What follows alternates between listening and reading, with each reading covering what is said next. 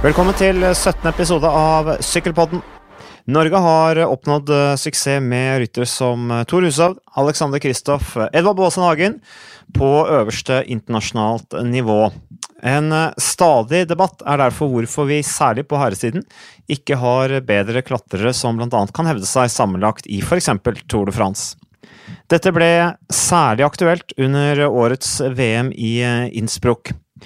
Men samtidig med VM annonserte UnoX en satsing på å få frem nettopp klatretalenter med sitt nye satsingsprosjekt Darebark Development Team, som skal ledes av Max Emil Kørner som nylig la sykkelen på hylla, etter bl.a. to år i Belgia som kontinentalrytter. Sykkelpodden, vi har satt oss ned med Kørner, lageier i uh, UnoX, da representert med administrerende direktør Jens Haugland i UnoX Energi, og sportsdirektør i uh, UnoX Development Team Stig Kristiansen, for å snakke om uh, dette klatreprosjektet. Hva som skal til for å utvikle gode klatrere, utviklingen og veien videre for UnoX, og ikke minst norsk sykkel. I tillegg eh, får vi i denne sykkelpodden et intervju med tidligere proffrytter Atte Kolsvold, som eh, var kjent for nettopp sterke klatreegenskaper, bl.a. som hjelperytter for Greg LeMond i Tour de France i 1990. Atle som eh, er kjent for bl.a. å ha trent Tor Husov, men også fullført seks Tour de France.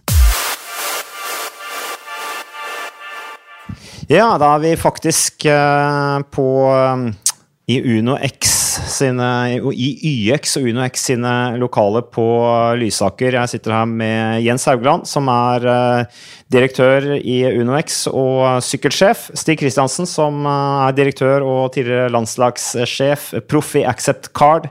Max Emil Kørner, tidligere tidligere Ringerikskraft og belgiske T-Pound Pole Continental Wallon. Stemmer det, Max? Ja. Uh, og vi er samla nå for å snakke om uh, klatring. Uh, og det er jo noe som publikum er evig opptatt av, for vi har jo gode spurtere, vi har gode brosteinsryttere, gode temporyttere. Men hvor blir det av denne klatreren? og Dare Bikes Development Team det er altså det nyeste prosjektet til hardtsatsende UnoX. Og målet er rett og slett å utvikle klatretalenter. Men vi kan jo begynne med deg, Max Emil. Altså, du har du sykla det siste ritt 13.10. Eh, kom rett hjem, og så, så fikk du eh, jobben. Eh, fikk du noe tid til å reflektere over om du ville ha jobben, eller bare sa du ja tvert? Det var vel egentlig ikke så mye å tenke på når man får en sånn mulighet. Så, så var det ja, rett og slett. Ja, og du har, fått, du har kommet godt i gang? Ja, egentlig. Jeg har hatt, hatt ganske mye å gjøre i det siste. Men jeg føler vi er godt i gang, i hvert fall. Ja. Du har eh, sju sesonger bak deg eh, som eh, syklist på kontinentalnivå. Hvordan skal du bruke erfaringen i, eh, i Dare Bikes eh, development team? Man drar jo med seg en del erfaringer fra, fra, både trening og hvordan man kjører løp, selvfølgelig. Og også ren logistikk lærer man jo mye av også som rytter på kontinentalnivå. Så jeg håper å bruke litt av det også. Som klatrer har jeg, det har jeg ikke vært selv, men jeg føler vel jeg har noe å bidra med på løp likevel, da, med hvordan de skal kjøre løpene og tenke. da. Ja. Det var jo litt sånn uh, heldig da du bare plutselig du hadde bestemt deg for å legge opp som syklist, og så bang, så kom jobben. Hey. Ja, det var ikke noe jeg hadde planlagt uansett, så ja, det var litt uventa, men uh, gøy. Uh, Jens, du er jo Eh, UnoX har jo virkelig satt i gang noen prosjekter som uh, er en gyllen mulighet for norsk sykkelsport. Uh, og jeg husker vi var sammen i sykkel-VM i Innsbruck, og da var det dette her, vi snakket om dette med klatrere. Stort sett så var vi ganske enige. Folk var ganske forsiktige i antakelsene sine rundt resultater. Og du er jo opptatt av utvikling. Kan du, er dette din idé, dette med da å ha et klatreprosjekt? hvordan fikk du, Hvor kommer dette fra? Nei, du kan vel ikke si at det var min idé, men du kan vel bare si at vi generelt brenner for, for, å utvikle oss og bidra til utvikling i norsk sykkelsport. og det har vel over tid vært pekt på det at vi som sykkelnasjon eh, har hatt et potensial å utvikle oss innenfor klatring. Um, spesielt når vi ser ned til våre danske venner, så, så er det paddeflatt der, men de går veldig mye bedre enn oss oppover, mange av dem. Og det er jo en, en eh, refleksjon i det å se på hva vi kan eh, bidra til med også der. og eh, Litt sånn timing i forhold til oss også som en, en merkevare og en kommersiell aktør, så var det en, en god timing å, å, gå ut med Dare Bikes Development Team. og noe vi har selvsagt vært svanger med litt over tid, i den forstand at det er et sammensatt prosjekt. i den forstand at det er heller ikke sånn at det her eh, bare handler om klatring. Det handler også om en, tror jeg, en filosofi knytta til det å ha litt is i magen når du er ferdig som juniorsyklist i Norge. Eh, det kan være det at du skal investere ekstra tid i å utvikle dine spesifikke ferdigheter før du bare er dønn opptatt av å få en proffkontrakt i fanget. Eh, og Der håper jeg vi også kan bidra til å stagge og bidra til litt tålmodighet rundt sin egen utvikling. Fordi det å utvikle de ferdighetene her er noe som tar tid. Um, og da, hvis vi har gode systemer og ledere rundt de her utøverne her, så, så er det trygt å være i den, i den utviklingsfasen. Og da, da, tror vi de kan ta større steg enn hva vi har klart hittil. da. Men uh, vi kommer litt tilbake til det der, hvordan blir man god klatrer, man kan utvikle klatre osv. Men, men uh, Jens, kan ikke du bare fortelle litt liksom, Hva er tanken med Darebikes Development Team? Altså hvordan skal det organiseres? Det er enkelt sagt et utvida klubbtilbud. Det er jo ikke et eget lag i den forstand som kjører et fullt rittprogram gjennom en hel sesong.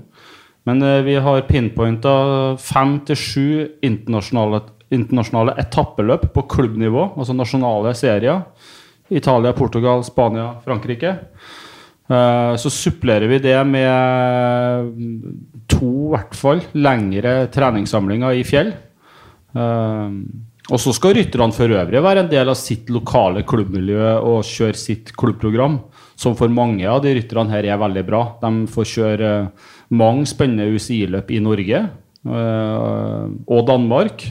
Pluss at selvsagt å, å, hamre på brostein i Belgia og mange norske klubbryttere bruker tida si på. Så det, det, vil være, det, vil være, et supplement. Eh, men også vil det være en investering for de rytterne som sier at de skal være med på dette her. Eh, det handler om å utvikle klatreferdigheter. Det er det dette prosjektet her er til for. Så det er ikke for alle, nei, alle klubbryttere i Norge.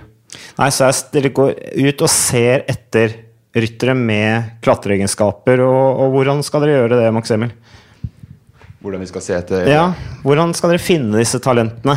Det er ikke så lett når det ikke er så veldig mange klatreløp uh, i Norge. Men uh, utholdelse i dette er jo ganske ærlig over tid. Og hvis man har god kapasitet, så ser man jo at det ofte er jevnt opp i, uh, i nasjonale løp. Og da, de som gjør det, de får da en mulighet til å prøve seg i, i their bikes development team. da. Da ser du litt på fysikk ikke sant? Ja, ja. og kanskje tempoegenskaper. Ja. Eh, Stig, hva tenker du om dette her? Du har jo litt meninger om, uh, om hva man skal se etter for å finne en klatrer. Ja, jeg tenkte jeg skulle, jeg skulle Du ble utålmodig nå? Ja, jeg ble utålmodig. Og så jeg, det, det, er jo Jens sin idé. Han må få den uh, stjernen i hatten. Uh, i, det store og hele så er det han som kom med den ideen, og den er når vi begynner å tenke nøye på det, så er det jo en, en uh, fantastisk uh, idé og en mulighet som, uh, som de gir oss.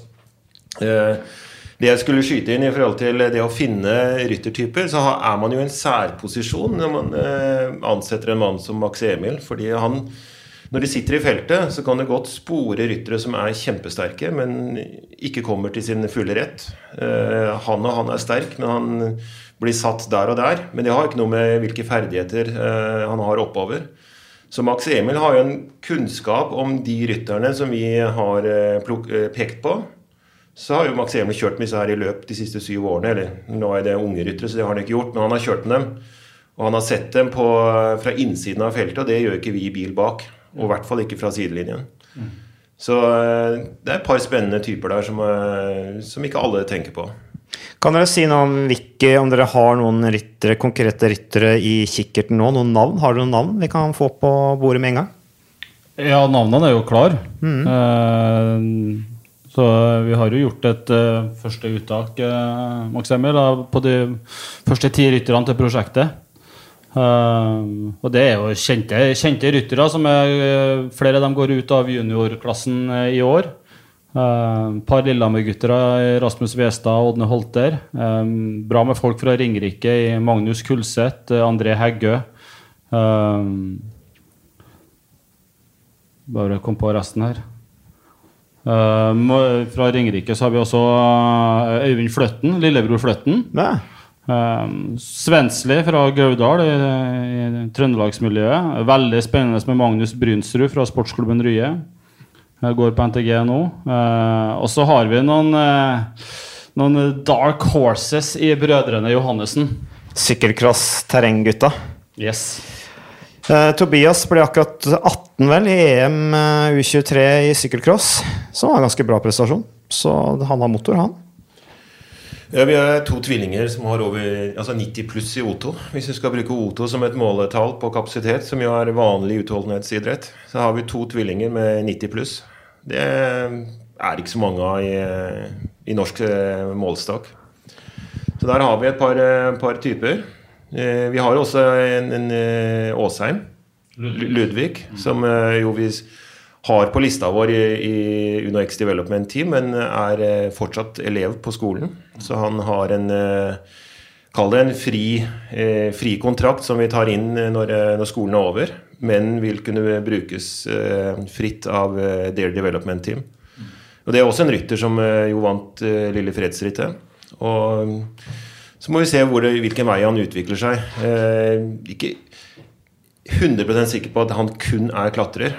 Han skal nok få prøve seg der først, og så ser vi enda mer når han da får kjørt noen seniorløp. Men dette her, nå har dere jo modell, da. Altså, nå har dere jo uh, UnoX-laget. Uh, og så har dere da på en måte en modell og et utviklingslag under der også, syns jeg det ser ut som, da. Uh, det er jo det er litt, spennende ja, sånn sett. Ja, det er litt ja og nei. Fordi vi skal ikke skal ikke investere all vår tid og snakke om det som et rent farmelag til vårt, uh, vårt UnoX-prosjekt. Um, fordi det, det, her vil være Og det vil nok være mye mer rullering av de rytterne her enn hva vi vil oppleve på vårt eget kontilag.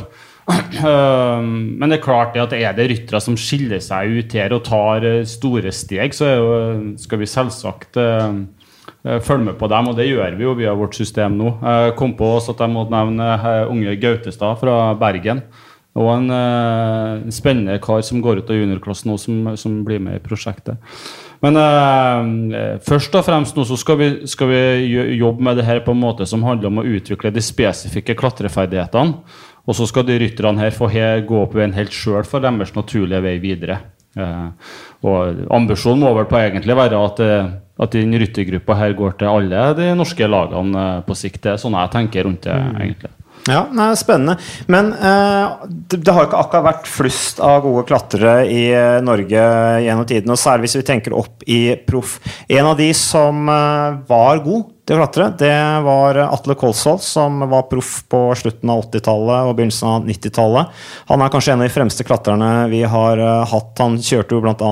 Tour de France med Greg LeMond i 1990. Var en betydelig bidragsyter til at LeMond vant Tour de France det året. I dag er han bl.a. coach på Olympiatoppen. Og jeg møtte han da han var i Oslo forrige uke, så skal vi høre hva han sier. Ja, Vi står på Majorstua. Her har jeg møtt uh, Atle Kolsvold. Det er uh, torsdag 1.11. Og Atle, du var jo proff da på 80- og 90-tallet. Og jeg husker en sak i det nederlandske sykkelmagasinet Wielerrevy, hvor du ble trukket fram som en av verdens beste klatrere. Uh, og nå er det jo mye snakk om hvordan skal vi finne en ny klatrekomet i Norge.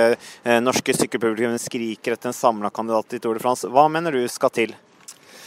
Selvfølgelig må en jo ha et bra utgangspunkt sånn rent fysisk. En stor motor. Eh, samtidig så er det òg veldig mye mentalt med det å kjøre bakker. Hvis du da, Det er kjempestor forskjell på å glede seg til en bakke eller et fjell, eller å grue seg. Så det går veldig mye på innstilling òg. Og så er det jo en gang sånn at uh, det har noe med kroppssammensetning å gjøre òg. Eh, uh, det er jo unntaksvis store ryttere som klarer å kjøre fort i fjell, selv om Indurain gjorde det den gangen han var 80 pluss. Men og så er det selvfølgelig treningsmessig. For å kjøre godt i fjell, så er det selvfølgelig en stor fordel å sykle mye i bakker og i fjell. Jeg f.eks. hadde Eh, når jeg bodde på Melhus, da, der jeg er fra, så var det en bakke på to kilometer som jeg måtte sykle hver gang jeg kom hjem fra skolen. Eh, da var jeg sikkert eh, på sånn terskelintensitet, regner jeg med, så det var en terskeldose hver dag, egentlig. da. Så, så det ja. Så det er en blanding av litt sånn født sånn, men også blitt sånn gjennom øving og innstilling. Det er det du sier? Ja, eh, det, jo, det, er jo sånn at en eh, blir jo god i det en øver på. Så det å, å, å sykle mye i bakker og i fjell, det, det, er helt klart eh, noe som må til. Jostein Wilmann var jo en, en, en, utrolig god klatrer, og innstillinga hans var jo helt rå sånn mentalt. Når han så et fjell, så gikk jo han og støta fra start. Mens alle andre, de fleste andre grua seg. da. Så det går veldig mye på, veldig, veldig mye på det mentale. Men av det du har sett i norsk eh, sykkel nå, er det noen ryttere du ser har et spesielt potensial i forhold til å kunne bli en fremtidig klatrer? Vi har, vi, altså det som, er, som, vi ser, da, vi har jo hatt U23-ryttere som har hevda seg i Tour Lavenir osv. Og så skjer, virker det som at uh, når du da skal ta steget ut i proffverden, så stopper det litt opp. Uh, det har nok òg noe med at i den rollen du får i et profflag, hvis du blir satt til å være hjelperytter, så kommer du fort inn i den rollen. Uh, sånn at uh, et lag, profflag, må tenke langsiktig. Der tror jeg kanskje noe av nøkkelen ligger for norske ryttere. At de aldri får muligheten til å tenke langsiktig nok til å utvikle en spisskompetanse som sammenlagtrytter. For du får en rolle i laget. Du, du, får et rittprogram som ikke er optimalt. Hvis du da får et rittprogram der du kjører klassikere i Belgia istedenfor å kjøre eh, tøffe løp, så, så stagnerer du òg på, på, det å kjøre i, i bakker og fjell. Altså Rittprogrammet her har veldig mye å si altså, for å utvikle klatreegenskapene, ikke bare trening. Rittprogrammet har mye å si sammen med treninga, selvfølgelig. Men eh, det er klart hvis du da ikke får kjørt ritt som er tøff nok, hard nok og, og får matcha ordentlig, og så må du hele tida matche mot de beste, sånn at du ser hvor, hvor lista ligger. Så, så rittprogrammet har masse å si. Takk. Det sa altså Atle Kolsvold. Eh, og eh, Stig, hva tenker du om det Atle sier her? Jeg skal gi han rett i alt han sier. Er, eh, vi snakker om en, en egenskap her som, eh, som, er helt grunnleggende i, i sykkelsporten. Altså generell kapasitet. Og Så begynner vi da å bygge opp, eh, opp på toppen der og snakker om spisskompetanse. Når kapasiteten blir spisskompetanse, så blir det voldsomt smalt. Det vil si at når eh, alle som sykler, alle som har en god kapasitet, de er yndede hjelperytterobjekter, for de kan jobbe inn i evigheten. Og Når du da ansetter en, en uh, ung norsk fremadstormende rytter som, på, på, et profflag, så er det klart at det er fristende å bruke han som en sterk hjelperytter, for han sier jo ja. Og så Når du går et par skritt videre, som, eh, som Atle var inne på, du må ha et tilrettelagt opplegg som er langsiktig. Det får du jo ikke i proffverden. Og, så må du ha rittprogram. Da må du være en av de rytterne som er beskytta. Det er jo litt av det vi grunnprinsippene i det vi bygger våre modeller eh, på. Så, så, skal det da sies at eh, når kapasitet er spisskompetansen din, så er det voldsomt smalt. Og det har jeg sagt mange ganger. Hvis vi fire som sitter rundt bordet her nå, skal begynne å nevne ryttere som kan vinne Tour de France, så begynner vi å slite når vi kommer rundt 6-7. Eh. Så det er altså seks-syv ryttere vi tror i verden har nok kapasitet til å vinne Tour de France. Og det er klart, Det nåløyet det er det smaleste som, som finnes i internasjonal sykkelsport. Da må du trene. Og da må du trene på det du skal bli god på fra tidlig barnsben av. Og du må ta i bruk alle faktorene. Eh, ikke bare at du skal ha høy kapasitet, men du skal ha kroppssammensetning, du skal ha vekt. er jeg vet ikke hvor mye vi får lov til å si her på norsk. Eh, jo, jo, det er, alt er lov på sykkelkoden. eh, det er jo en faktor. Eh, dessverre, eller hva det Noen har det veldig enkelt, andre har det litt eh, vanskeligere med akkurat det. Men eh, watt per kilo er jo den kapasiteten vi måler. Og da er det klart at det er ikke bare watten, men du må også ha kilotallet der. Men uh, vi snakker jo her uh, om Én uh, ting er hva som skjer i U23-klassen. vi har jo mange gode eksempler på gode klatrere. Eiking er jo et eksempel. vi har Tobias Foss. vi har rytter som har gjort det veldig bra i U23, og så har de kommet opp i proff. Og så er det som du sier, da blir de brukt som, som hjelperyttere. Hva er Hva er løsninga, da? Er de norske rytterne for snille, så de er ikke tøffe nok når de blir proffer, og slå i bordet og si at 'jeg har potensialet', jeg, er, er de ikke vinnerskaller nok mentalt sett? Hva er det som mangler, tror du, Stig? Både òg. Nordmenn er eh, Vi er oppdratt til å gjøre det vi får beskjed om. Eh, samtidig så er det at eh, når du har den spisskompetansen, så må du sørge for at den er ferdig utvikla, eller mest mulig utvikla, når du tar steget. Så her snakker vi om en god porsjon is i maven for, eh, for de det gjelder. For takker du ja til første fristende tilbudet, eh, så kan det være at det ikke er det mest riktige tilbudet å takke ja til. At kanskje du skal eh, ta et skritt tilbake og få et større overblikk. Jeg må trene mer. Og da må du kanskje bli der du er, et år eller to til. Og det vet du kanskje bedre enn noen av oss. Det, den dagen du takker ja til å bli proff, så får du mindre tid til å trene. Løpsantallet stiger, løpsbelastningen stiger. Og det, det, det drar med seg også antall reisedager, og da blir det mindre tid til å trene. Så det å utvikle seg eh, videre som proff er nesten vanskeligere enn hvis du er på et kontinentallag eller et utviklingslag. Men uh, dette her med Jeg skulle si nå at uh, dette med langsiktighet, uh, der er jo nettopp det er jo nettopp den modellen dere har. Så nå har du Anders Skårseth som sa nei til sykkel for Coffdis. Det var som vi snakket om før vi satte på, på opptakeren her, at liksom det å si nei til Coffdis er jo egentlig helt vilt. Eh, altså, altså hvis, på, I min generasjon, hvis han hadde sagt nei til noe sånt, så hadde jo folk rista på hodet. Men nå med det laget, eller de lagene som er i Norge, nå med det apparatet dere har, og de tankene dere har om utvikling, så skjønner jeg det jo. Eh, er det, er det, sånn da at La oss si de navnene som nå eh, er potensielt gode klatrere. Leknesund vil jo kunne potensielt bli en god klatrer hvis det er noen som vi skal snakke om kanskje i fremtiden kan bli en Tour de France-rytter. Så er det jo Andreas Leknesund, kanskje Tobias Foss. Jeg vet ikke hva du tenker om det, Stig? Nei, er, du, du, nevner jo de, de, vi selv sitter og tenker på. Eh, veldig unge ryttere. Leknesund to år yngre enn en Foss. Foss har to topp ti-plasseringer eh, bevist fra han er 16 år, som, eh, som, jeg har fulgt han, med voldsom kapasitet. Og så gjelder det å, å, å se, for det, eh, som jeg var inne på, at du, du, kan ikke bare se på treningen. Du må se på hele livsstilen som dette her krever. Du må ha en god treningsplan, du må ha en god restitusjonsplan, du må ha en god ernæringsplan. Og så må du følge det til 100% i flere år for å bære frukter av, av den, den, jobben. Du kan ikke bare ha en verdensmester treningsplan og så kan du gi eh, blanke i, i de 20 andre timene i døgnet, men du må leve som en 24-timers utøver. Eh, du leser av og til i, i, media at du må leve som en munk. Det er ikke langt unna sannheten, eh, men det, det krever, jeg tror du ikke mye. Det. Tror du ikke det? Altså, sånn som Bradley Wiggins, da, ta han som eksempel. Uh, jeg kjenner jo han fra tida i Kridiarokoll. Da var han fish and chips, øldrikkende hooligan. Uh, hvis noen hadde sagt til meg at han skulle vinne Tour de France, så hadde jeg ledd meg i hjel. Den tida jeg sykla. Ja. Han ble henta til Kridiarokoll for å sykle én kilometer rett fram i prologen i Italia rundt i 2004, var det vel. 2005. Uh, og så har han den utviklinga. Han gikk under masse ned i vekt, trente veldig hardt, og, og vi har hørt historier om hvor at han forandra liksom seg som person fordi han var så konsentrert at han mista litt humoren sin og alt sånne ting. Så, så da er det ikke det veldig mye det handler om, det der å ha den der gutsen til å, å, å dra den helt ut hva gjelder satsing med trening og livsstil, og det er det langsiktige perspektivet. Hva, hva, hva, hva har du tenkt å snakke til disse unge gutta om, Max Emil? Jeg må jo få det til å trene da, på klatring. Det er jo viktig da, at gutta har lyst til å satse på å klatre. da, Og må tar konsekvensen av det og trene på det. Og ja lever som en eh, klatrer, da, som Stig snakker om.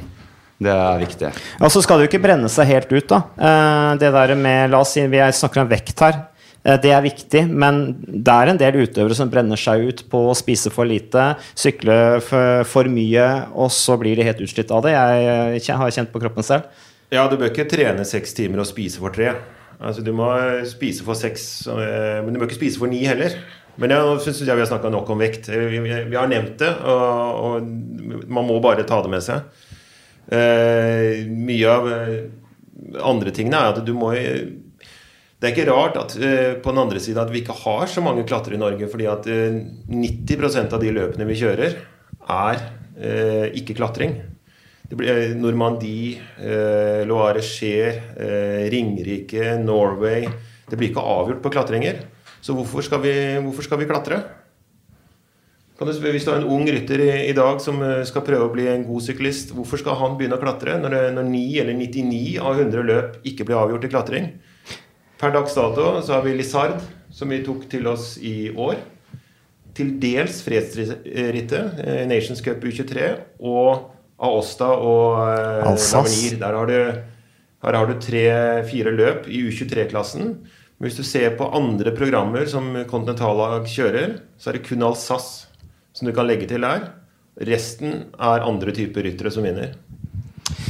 Det Men, prøver vi å da endre med, med dette med, med fem til sju eh, løp i, på nasjonalt eh, nivå. Det er, det er ikke UCI-løp i, i, først og fremst. Det er nasjonal kalender, akkurat som et fransk klubblag skulle kommet og kjørt uh, tur, tur, av Hallingdal, tur til Hallingdal her i Norge. Vi skal prøve å finne de Eller vi har funnet uh, løpene som passer Eh, de ryttertypene og det nivået vi er på. Men eh, altså, eh, finne rytter Er det ikke sånn at eh, ungdom i dag som sitter og ser på TV, sitter og ser på Tour de France, de drømmer vel om å bli en Garen Thomas, en som vinner klatretapper i Tour de France, vinner sammenlagt. Eh, men allikevel så handler dette her vel om eh, Vi snakket, vi snakket litt med Atlak også om dette blitt sånn, eller, eller, eller, eller, altså utviklet til å bli sånn, eller født sånn, da. Er det ikke litt sånn at bredden i norsk sykkelsport enda ikke er på så høyt nivå at vi har på en måte funnet de. At vi har, liksom ikke, vi har blitt gitt de gavene enda, men at det med økt interesse for sykkelsporten, økt rekruttering, at da vil det også komme flere muligheter til å finne klatrere. At det er ikke, det er ikke nødvendigvis så lett å, å, utvikle, vi bare mangler typene. Ja, det er, det. altså, Forbildene våre er jo Tor Hushovd, Alexander Kristoff og Edvard Baasson Hagen. og Det er jo én ting de tre har eh, felles, og det er at de spurter eh, veldig bra, alle tre. Og når forbildene er sånn, det er som i fotball, når forbildet er Ronaldo, så er det jo en haug med finter da, som, eh, som, skal gjøres. Og ikke den hardtarbeidende forsvarsspilleren. Som, så så vi har en generasjon som har vokst opp med, med, de tre som eh, forbilder, som idoler. Og de er jo ekstremt gode, alle tre. Så eh, vi må eh, være tålmodige, tillate at kulturen som, eh, som, er i ferd med å sette seg, altså sykkelkulturen, får lov til å sette seg litt mer. Og så kommer vi til å, å få de som har valgt andre idoler enn de, de norske som også ser eh, pokker altså Min kompetanse ligger, eh, ligger kanskje i det i å ha ekstrem kapasitet. Over år, over, over, over, over tid, så, så, kommer det flere av dem. Per dags dato så har vi en håndfull unge ryttere. I, eh, både altså med Eiking og de vi nevnte. Da er vi allerede de som har begynt å, å blomstre litt. Han blir 30 i VM. Så han er ikke, han er ikke helt off. Og så prøver vi å finne neste generasjon. Generasjonen imellom, det er de vi nevnte. Det er Foss og Leknessund. De har vi kontroll på. De skal vi legge alle kluter til for å, å få så langt som mulig. Men Atle Kåsa sier jo her i det intervjuet at uh, han sykla i det daglige, liksom. Uh, det er litt sånn der Sånn som vi hører om Quintana som sykla til og fra skolen. Og det er litt sånn samme historien der òg. Det er jo bare å Vi må få barna ut på sykkel. Det er viktig at de sykler til og fra skole og oppsøker bakker. Det er jo den kulturen man må bygge. Eh, fordi jeg holdt nesten på å flikke i vinkel med faren din i går. Oh ja. Fortell. på en hyggelig måte. Nei, men han eh, sa han kom med velrettet eh, mening, ikke kritikk, så jeg drar den litt langt. Men han nevnte OL i Rio, hvor, vi, hvor min da tidligere jobb i NCF, hvor vi dro til Livigno for å trene i bakker. Det, det, nytter jo ikke å dra dit og trene i tre uker og tro at du flyr. Det er helt riktig, det, men på et eller annet tidspunkt så må du ta de unge og så må du vise dem at du må trene her for å bli god. Det var en liten dominobrikke i et stort spill med å få dem til å skjønne at dere må trene i denne type terreng for å utvikle dere. For det, det var bare to av de seks gutta vi hadde i Livigno som, som kjørte OL. De fire andre var der som, som appendix, som jeg kaller det, for å, å, å lære å trene i fjell. Og, men han hadde helt riktig. De som kjørte OL, de, vi, de var jo fortere på stranda enn det TV-bildene kom live. Så, men eh, for de som eh, Eiking, Lunke, de som var der som appendikser, altså som, som vedlegg, de, eh, de, skjønte jo til en viss grad at her må vi faktisk trene i fjell for å, for, for å bli bedre. Og Jens sa jo innledningsvis eh, 57 løp, ja. Men vi skal også ha god kontroll, og vi skal også ha et par lange treningssamlinger hvor vi tar dem til, til fjell for å trene i det. Kan dere si litt om hvordan dere finner de rittene som, er, eh, som dere, finner, som dere syns er interessante? For det er ikke bare bare. Ja, det har vi gjort sammen, eh, det. Vi har jo mange nerder i miljøet rundt oss og i, i laget vi har, i UnoX-laget òg, så vi har trukket litt på forskjellige ressurser. Men uh, gjengangeren for å søke etter uh, de riktige løpene har jo vært å um, uh, bruke nitidig tid på firstcycling.com og lete i dybden av klubbløp som, som ligger tilgjengelig. og det er faktisk overraskende mange løp vil jeg si, som ligger der tilgjengelig, men som, som radaren ikke har vært på. Av helt naturlige årsaker, og jeg er veldig enig med det Stig påpeker, Også, at programmet for norske kontinentallag er uh, bestridelig mer retta mot en annen, annen, type profil av løp enn en klatreløp. Uh, men hvis vi klarer å komme inn i sånne løp som Vuelta Navarra, Tour de Beaujolais, Vuelta Tenerife Tour de Chablay eh, Beklager uttalen, jeg blir sikkert arrestert mega på det på Sykkelpodden. Men eh, da har vi løp som gjennomgående består av veldig mange høydemeter. Og det er også forskjell på å sykle Sundvolden Grand Prix, som har en bakke opp til Kleivstua på ca. hva er den stig? 4 km lang? 4 km, ja. ja. Kontra det å kjøre eh, flere dager i strekk med 10-15 km klatringer. Uh, og den, uh, Det er den vi prøver å søke ekstra etter når vi har funnet de løpene vi har funnet. Så er det opp til maks å sørge for at vi ender opp med å få lov til å kjøre dem. da Navarra er jo kjempefint løp. Det har jeg faktisk sykla sjøl. Så ja, det kan jeg anbefale. Ja, Knallhardt. Jeg ble med 15 sammenlagt. Gikk det oppover? Det gikk mye oppover. Så var det tempo også. Det var kjempebra. Uh, men Jens, dette her er et veldig spennende prosjekt, og du verden og gøy det må være å være ung syklist i Norge i dag, med alle de mulighetene som er, og all den satsingen som er. Mm. Uh, som eier av laget uh, og en betydelig bidragsyter til norsk sykkelsport nå på et ganske bredt uh, nivå, hvordan er du fornøyd med 2018? 2018 har jo vært et For, for UnoX som system og laget vårt, så har det vært et fantastisk år. Vi har utvikla oss masse. Vi, har, eh, vi, jobber jo veldig langsiktig med det her. Eh, vi har mange års perspektiv foran oss på, på de valgene vi tar i dag. Det har eh, veldig mange positive ringvirkninger. Den forstand at vi utvikler ledere og en organisasjon rundt oss, og en ryttergruppe som får lov til å tenke langsiktig. Og Der legger noen andre premisser for hvordan vi, hvordan vi også fokuserer på utvikling. Fordi vi, vi jubler selvsagt når vi vinner Ringerike Grand Prix med syver verksted. Det er vanvittig gøy. Uh, samtidig som vi også syns det er nesten like så stas når vi kan kjempe om ungdomstrøya i, i Slovakia rundt, fordi det er et bilde på at vi eh, har en, en, bredde og en utvikling i systemet vårt som, som vi ønsker å ha. da. Uh, så jeg syns det har vært et, et, veldig godt år. Og jeg syns òg for norsk sykkel generelt så ble jeg ikke, som jeg har sagt før, med på noe svartmaling i det hele tatt. Eh, vi har tre kontinentalmiljøer som eh, alle tre er sterke på sin måte. Uh, og vi har uh, fortsatt uh, og vil ha fremover en landslagsstruktur som er godt tatt vare på. Og Fischer Aasheim er vel 15 i fellesstarten på junior i Innsbruck. Søren Wernskjold er 5, tror jeg, på tempoen i, på junior. vi når ikke helt opp i U23-fellesstarten, mens på tempoen så er Tobias 6 og Andreas 13.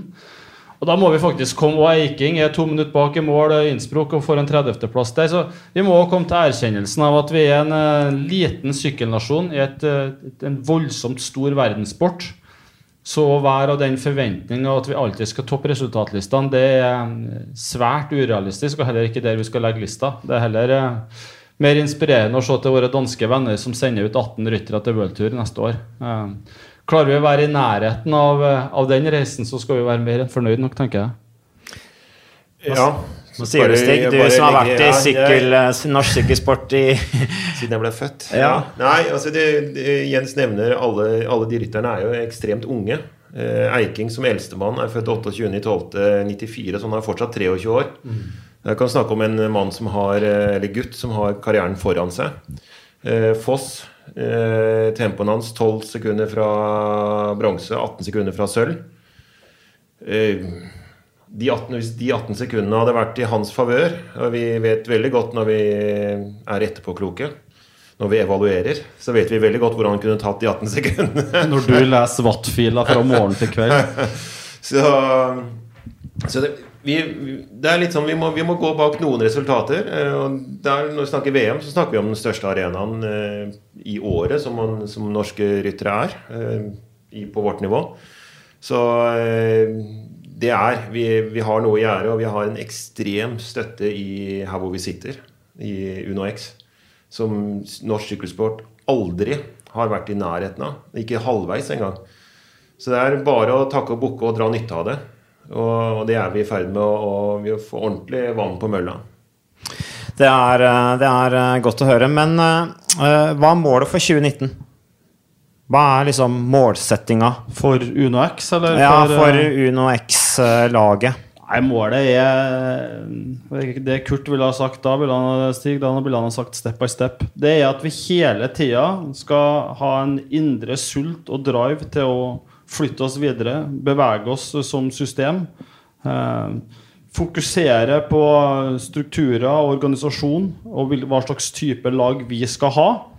Eh, Det er veldig mye som kreves for å drifte et, lag på vårt nivå nå. Eh, Vi kjører doble programmer nesten gjennom hele sesongen.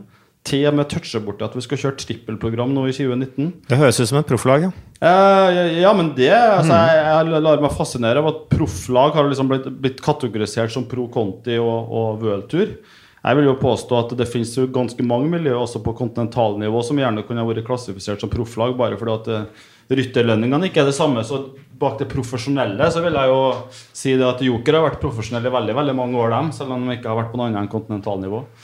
Eh, Så det her skal på plass, og når vi har det på plass over lang nok tid, med en sterk nok ryttergruppe, med en kontinuitet på ledersida, så øker vi sannsynligheten for at vi skaper en robust generasjon av norske syklister. Men Jens, eh, jeg må jo bare når vi først sitter her eh, Altså, det er kontinentalnivå, tredjedivisjon ennå. Eh, kunne dere vært pro kontinental? Ja, Har dere snakka om det?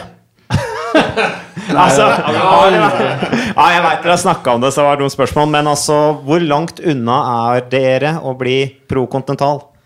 Nei, vi er ikke eh, i den første Det spørs liksom hvordan du ser på det. Hvis du ser rent økonomisk på det, så vil jeg ikke si at vi er langt unna å være prokontinental. Vårt system er fundamentert på en veldig enkel filosofi som handler om utvikling.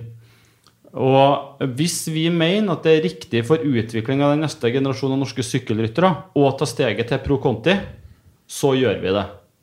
På det tidspunktet vi er i dag, så syns vi at vi kan tilby eh, den ryttergruppa vi har, et rittprogram og en, en oppfølging i det daglige treningsmessig som er tilstrekkelig for, eh, for det behovet knytta til utvikling. Men eh, det kan gjerne være sånn i fremtiden at, at vi for å ytterligere forsterke langsiktigheten. Ytterligere gi det her rommet til ryttere som Leknesund, eh, Foss, Ida Idar Andersen og påfølgende eh, enda yngre ryttere som kommer opp. Enda mer tid på å gjøre seg enda mer robuste før de virkelig skal ut i, i, i. Eh, Så kan vi gå pro conti.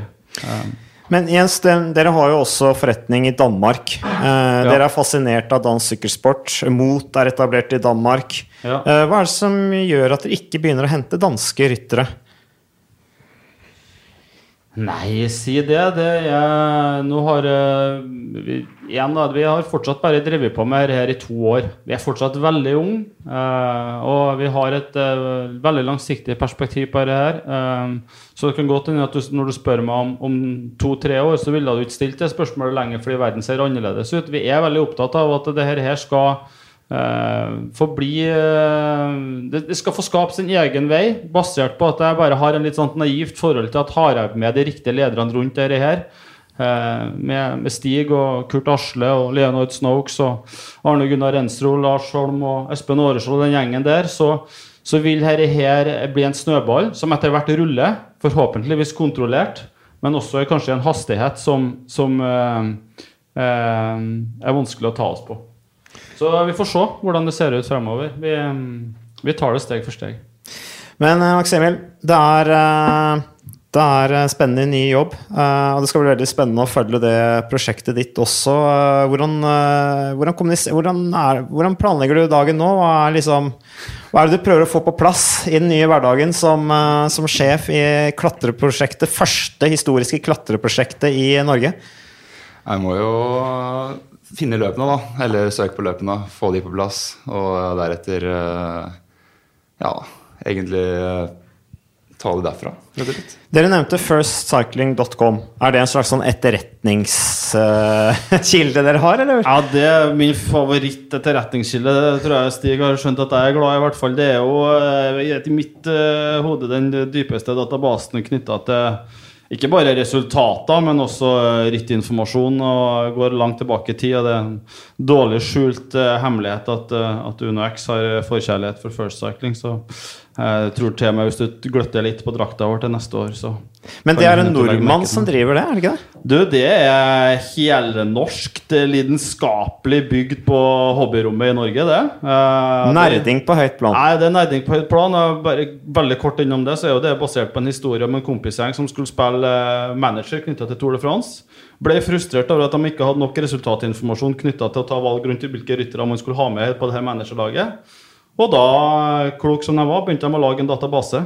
Og eh, det er resultatet vi ser nå i firstcycling.com. Så der har dere kontakt for å finne klatrerittene dere skal eh, kjøre da i eh, 2019. Ja, gått gjennom mange kalendere og resultater der for å finne, finne løp med klatre, klatreprofil. Til, forskjell fra alle andre eh, service- eh, eller websider som eh, eh, gir resultater, så går det jo på nasjonalt nivå også. Og det eh, Jeg har brukt, brukt masse tid eh, i, i, min tid som, som leder eh, på å finne Dra linjer tilbake når, når du ser Finnen som ble nummer tre i VM. Okay, han hadde vi lagt merke til, jeg kjenner han fra før av, men det, veldig ofte i, i unge, altså i U23 så dukker det opp sånne typer. Hvor kom han fra? Og så prøver du å søke på en uh, italienere spesielt. Så søker du på dem, og så ser du at de har bare kjørt uh, Belvedere og Piva. De, så de har ikke kjørt internasjonalt. Og så gjør du et dypdykk. Og ja, ok, de kjører et fullt nasjonalt program her. altså De har kjørt jæklig mange gode løp. Det er en danske, jeg har glemt navnet på han, er Rasmus Iversen. Kjørt, uh, kjørt fullt program i Italia i år. Vunnet ni seire. Står ingen steder. Men hvis du går på First Cycling, så, så finner du det. Men Jesus nevnte at uh, kanskje være på drakta deres neste år. Uh, har firstcycling.com noe Har de så mye sponsor Har de så stor, mye penger at de kan begynne å sponse sykkellaget? Nei, Det trenger ikke å være oppløst og at hvem som sponser hvem her. Uh, Men som sagt, vi, vi syns det er morsomt å snakke om firstcycling.com. Hva det blir med det. Ja, vi får, Det blir spennende å se. Det er mye på gang her. Du, eh, Max Emil, utvikles som eh, leder. Eh, Rytterne skal utvikles til å klatre og i det hele tatt eh, for fremtiden. Man utvikler etterretningsbaser sånn at man kan finne gode sykkelløp og resultater på de ulike rytterne. Så det er egentlig bare for meg å ønske lykke til og si at vi følger med. Takk for det, Mats. Takk.